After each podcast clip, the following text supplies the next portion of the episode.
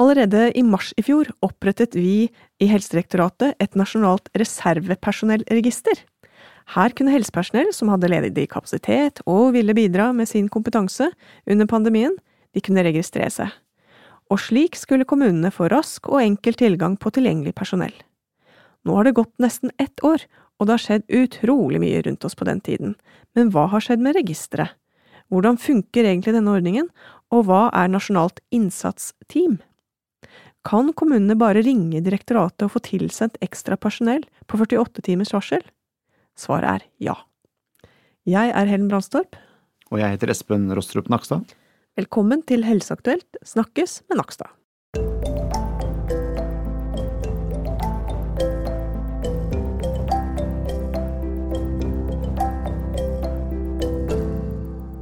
Du Espen, i Helsedirektoratet har vi ansvar for å koordinere den nasjonale helseberedskapen i krisesituasjoner.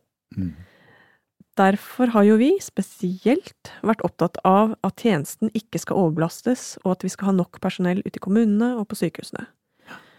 Hvorfor er vi så opptatt av det, selv i perioder der det har vært ganske få alvorlig syke og innlagte?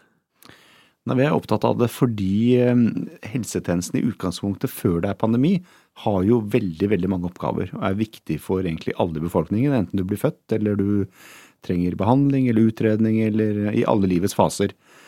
Og da er det jo sånn at eh, hvis den tjenesten både ute i kommunene og på sykehusene blir presset av eh, veldig store smittebølger med også mange pasienter, ja da blir det ikke bare mye å gjøre ute i kommunene med testing og smittesporing, men det blir også mye å gjøre på sykehusene. Og alt dette går utover noe. Eh, noe aktivitet må da reduseres for at man skal kunne ta opp aktivitet med korona. Så Sånn sett så har det vært et mål for oss hele tiden å ha en helsetjeneste og et samfunn som kan fungere mest mulig normalt i pandemien, og det er lettest å gjøre når vi har kontroll på smitten. Så det har på en måte vært gjennomgangsstrategien, da. Men så er det jo sånn da at eh, særlig denne TISK-strategien, blant annet, med testing og ikke minst smittesporing, den krever mye personell. Og det er jo sånn i små kommuner at uh, der er det ikke så mange helseutdannede personer ofte. Og det er kanskje bare én sykepleier som er både helsesykepleier på en skole og kanskje har andre oppgaver også. Og får man da et smitteutbrudd, så er det ikke så mange å ta av. Eh, og da kan det bli problematisk. Og i de store byene så er det jo også problematisk, fordi der er det jo så mye mer smitte ofte. Mm. Så, så, alle som er helsepersonell eh, i jobb i Norge, har jo hatt et veldig, veldig travelt år det siste året. Det er det ingen tvil om. Mm. Og de har vært, hatt en økt smitterisiko også, bare av jobben. En del har vært i karantene, kanskje. Måttet bruke smittevernutstyr, ikke sant. Så det har vært det er en spesiell jobb når det er pandemi. Det har vært masse nytt mm. og mange ting som har påvirket hverdagen for uh, veldig mange. Mm.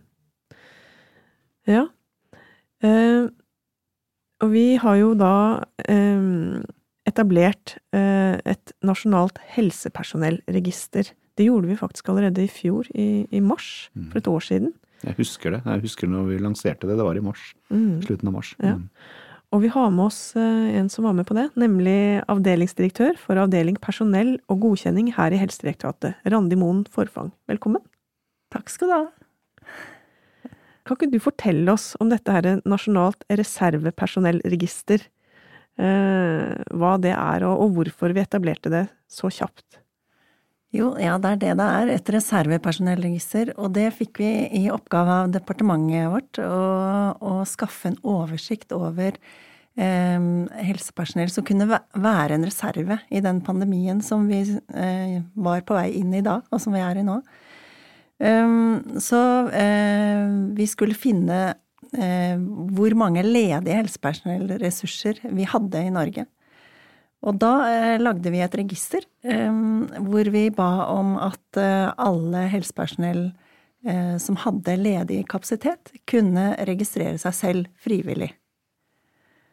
Så det, det var grunnen til at vi lagde registeret. I rekordfart? I rekordfart. Det var oppe å stå på to uker. Mm. Ja. Med GDPR på stell og alt? ja.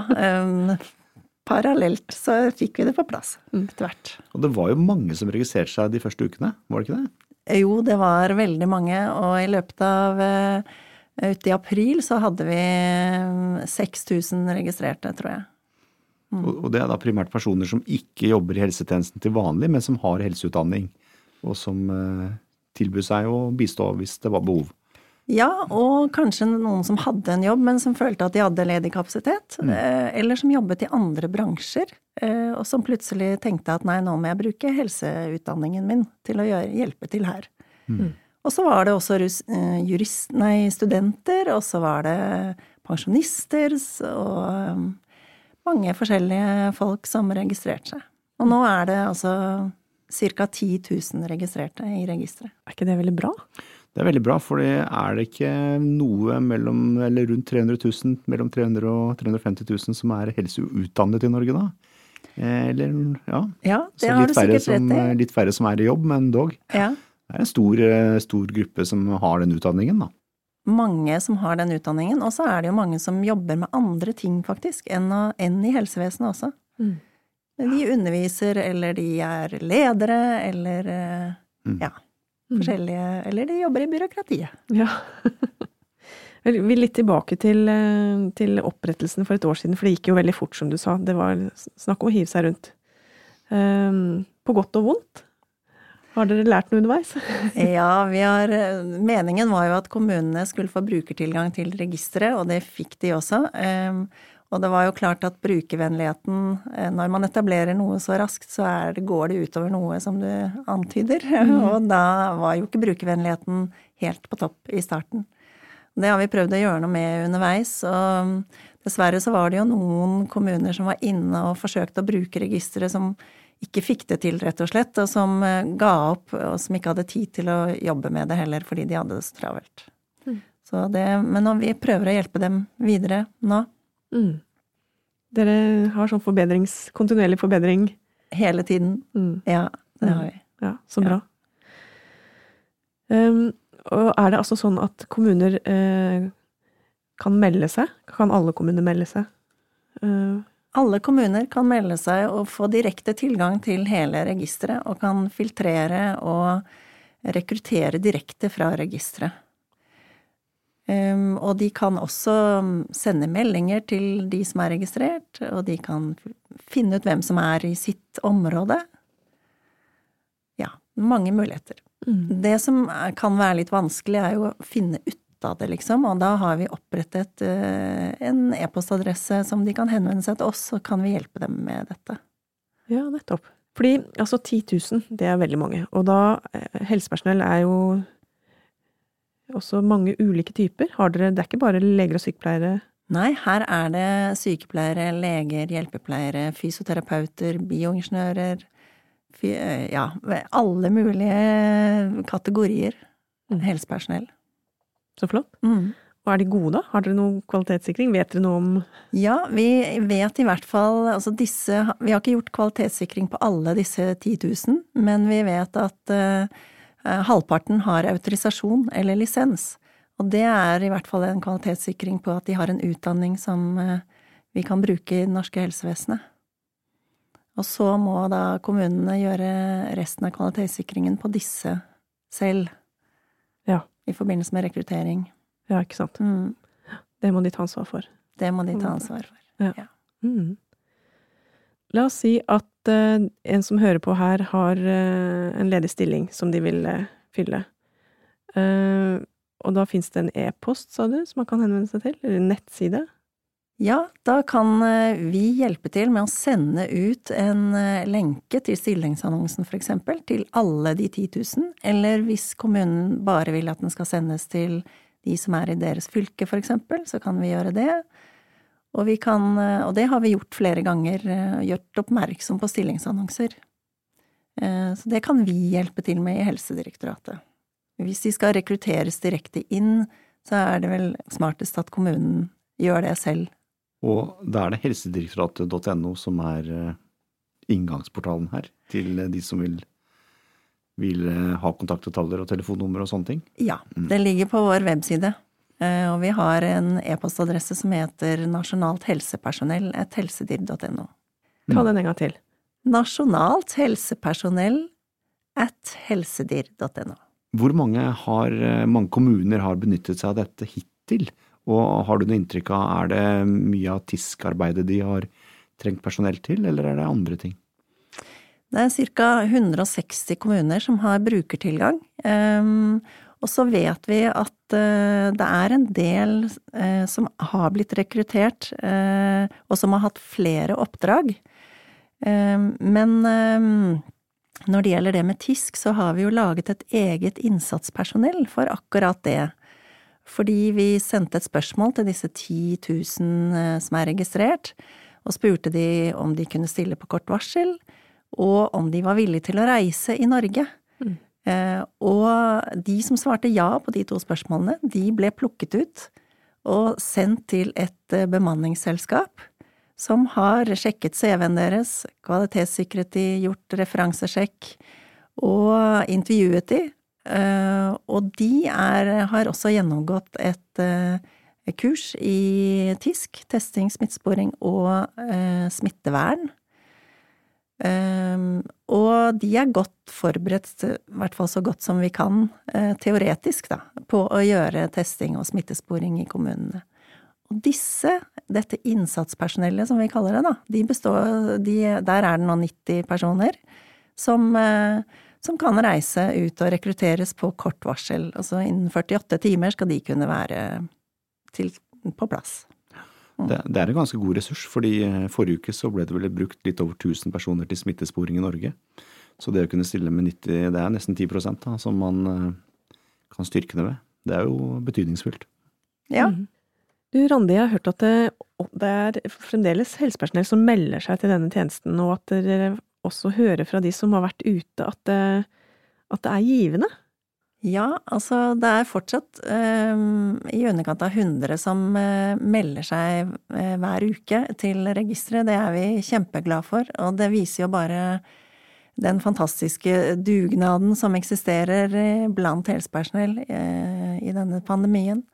Og så gir det dem jo også en eh, kan jo gi en ny erfaring hvis man tar oppgaver som man kanskje aldri ville fått sjansen til i et vanlig arbeidsliv. Sånn at det er, kan jo by på mange, eh, mange utfordringer og ja, erfaringer som man kan eh, leve på videre også. Mm. Ha glede av. Så bra. Gleden ved å hjelpe og komme litt videre selv også, kanskje? Ja, bli kjent med helt nye folk og nye miljøer, og samarbeide med helt andre enn de man kanskje ville samarbeidet i sin vanlige jobb. Og noen sånn testing og sånt nå skjer jo på litt eh, avsidesliggende steder. Jeg leste i, i, vår egen publikasjon Helseaktuelt om at eh, du har sendt ut eh, fire personer til Ombukta fjellstue i Rana kommune for å bemanne en døgnåpen teststasjon der på svenskegrensen. Dette er jo sørsamisk område, hvor, hvor det har vært hvor, tradisjonelt mye trafikk, og det fortsatt er, da. Og det er jo en litt artig bruk av det her innsatsteamet. Være på fjellet der. Eh, og jeg skjønner at de er fornøyd med løsningen. Men tror du at det er mange som kjenner denne løsningen? Vi, er, vi tror jo kanskje at det er mange som, eh, som, eh, At noen kjenner den, men at den er litt lite kjent allikevel. Den ble jo akkurat dette innsatspersonellet ble inn, opprettet i desember. Så det er relativt nytt. Og det folk hørte om eh, før, det var jo dette svære registeret med 10 000, men dette innsatsteamet på 90, det tror vi kanskje ikke er fullt så godt kjent, og det er jo egentlig den ressursen som kanskje er mest eh, viktig akkurat nå, da, når det trengs personell til testing og smittesporing. Så, eh, og så har det ikke vært så stor etterspørsel som vi, eh, som vi kanskje trodde det skulle være. Så vi har jo lurt litt på om vi har um, eh, funnet riktig tiltak, rett og slett, og vi har diskutert litt årsakene til hvorfor kommunene ikke benytter seg av dette. Um, så, uh, så, det lurer vi egentlig litt på. Mm. Mm. Det er nok mye kommunal stolthet der ute òg, at man vil klare det selv. Og det klares. Altså det, det er utrolig hva det klarer å få til. Veldig. Mm. Det har vi sagt, det har kommunene sagt til oss også, at de vil jo helst klare det selv med egne ressurser. Og det gjør de, og det er eh, utrolig bra. Det er imponerende. Men det er jo også veldig fint å be om hjelp av nasjonale ressurser hvis man trenger det, da. For vi står jo i dette her sammen, så vi, vi vil gjerne bidra. Mm. Ja, det er en god holdning. Vi vil bidra. Mm. Mm. Og det er jo sånn at eh, her endrer ting seg veldig fort også. ikke sant? Det er jo noen kommuner som står midt oppi dette akkurat nå. Og om noen uker så kan det være helt andre kommuner. Sånn at eh, det å ha en dynamikk og en, eh, en virkningsfull, kraftig reserve man kan trekke på, det er klart det, det, har, det er viktig for kommunene. Mm. Og de får jo dekket utgiftene sine i denne pandemien, kommunene. Så, sånn at det virker som at, at det ikke er egentlig noen hindringer, verken økonomisk eller praktisk art, for å bruke dette her. Mm. Eh, Og det er veldig viktig å få fram også. Fordi altså, rent sånn praktisk, hvis, eh, hvis man hadde trengt innsatsteam, fått et utbrudd og trengte hjelp, eh, da kan man ta kontakt, og man får, får det dekket, men det koster vel noe i utgangspunktet? Altså man må få det refundert? Eh, man må få det refundert. Altså kommunene må ansette disse personene og betale de lønn. Eh, og, og utgifter til eventuelt reise, hvis de må reise, da. Og også skaffe de et sted de kan overnatte eller bo, hvis man skal flytte et sted. Eh, men eh, eh, som Espen sa, så vil de få det refundert eh, fra staten. Eh, så så selv om det er utgifter i første runde, så, er det, så vil det bli dekket. Mm. Og er, vi vet at mange har vært usikre på det, eh, og at det kanskje også har vært en av grunnene til at man ikke har benyttet eh, denne ressursen, da. Men det er veldig viktig å presisere at det vil bli dekket. Mm. Og hvis, man, hvis du sier med dette reservepersonellregisteret òg, hvis man kan liksom filtrere litt på hvor disse menneskene bor, man kan kanskje tenke seg eh, ja, kultur, språk, sånne ting. Jeg har jo jobbet i Finnmark. Det det er, det er fors, fors, forskjellige kulturer innad i Norge. Ja. Helt klart. Her har man sikkert eh, annen kompetanse, også språkkompetanse, i den gruppa enn en bare profesjonskompetanse. Så det Mhm. er sikkert eh, gode muligheter der til å finne de man trenger. Ja, dette er jo helt fantastisk, eh, disse ressursene her. Og man kan altså skrive e-post for å få tak i og få kontakt da, på nasjonalt helsepersonell at helsedir.no. Men man kan også ringe. Jeg har hørt om at eh, kommunene har bedt om en rød knapp. Ja, vi har snakket med kommunene underveis her, og det de ønsket seg var ett kontaktpunkt, eller en rød knapp. Eh, Og derfor så opprettet vi et, et eget telefonnummer for dette, som er eh, 404 07 998. Jeg kan jo si det en gang til. Eh, 404 07 998. Og der, eh, den er bemannet, den telefonen, fra åtte til fire på hverdager. Mm, Vi har ikke bemanning på telefon i helgene, men da har vi denne e-postadressen som du nevnte, Helen, som vi eh, sjekker underveis i løpet av helgen. og Svarer på. Mm. Så dere har også fått en vaktordning. ja, Mm. det har vi. Mm. Da tror jeg vi har fått dekket denne gode tjenesten på en eh, grundig måte. Vi er i dette sammen. Altså, vi vil bidra fra alle kanter. Mm. Ja, men da gjenstår det bare å avslutte med det vi pleier å si. Randi, vi snakkes. Det gjør vi. Tusen takk. Og Espen, vi snakkes igjen. Vi snakkes.